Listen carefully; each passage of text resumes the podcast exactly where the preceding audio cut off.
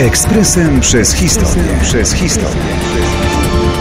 16 września 1937 roku odbyła się premiera filmu Znachor w reżyserii Michała Waszyńskiego. Wszyscy znamy i pamiętamy, wszak telewizja nie da nam zapomnieć, znakomitą ekranizację Znachora wyreżyserowaną przez Jerzego Hoffmana w roku 1981. Warto jednak przypomnieć, że już przed wojną przeniesiono tę powieść Tadeusza Dołęgi-Mostowicza na ekran z równie wielkim powodzeniem.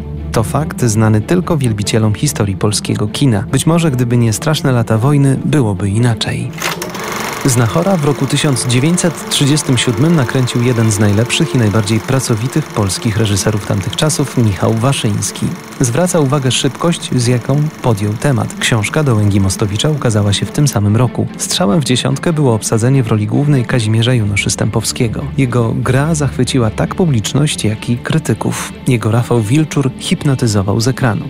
Większość ujęć nakręcono we wsi Sikusz. Jeziora, rzeki, doliny, parki i zabytkowe budowle zapewniły jej miano mazowieckiej Szwajcarii. Film okazał się być jednym z największych sukcesów kasowych przedwojennego kina w Polsce. Nic dziwnego, że postanowiono pójść za ciosem i nakręcić jeszcze dwie części. Druga nosiła tytuł Profesor Wilczur i trafiła na ekrany w roku 1938.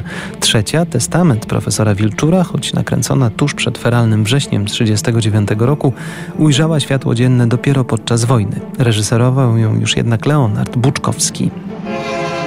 Ekspresem przez historię. Ekspresem przez historię.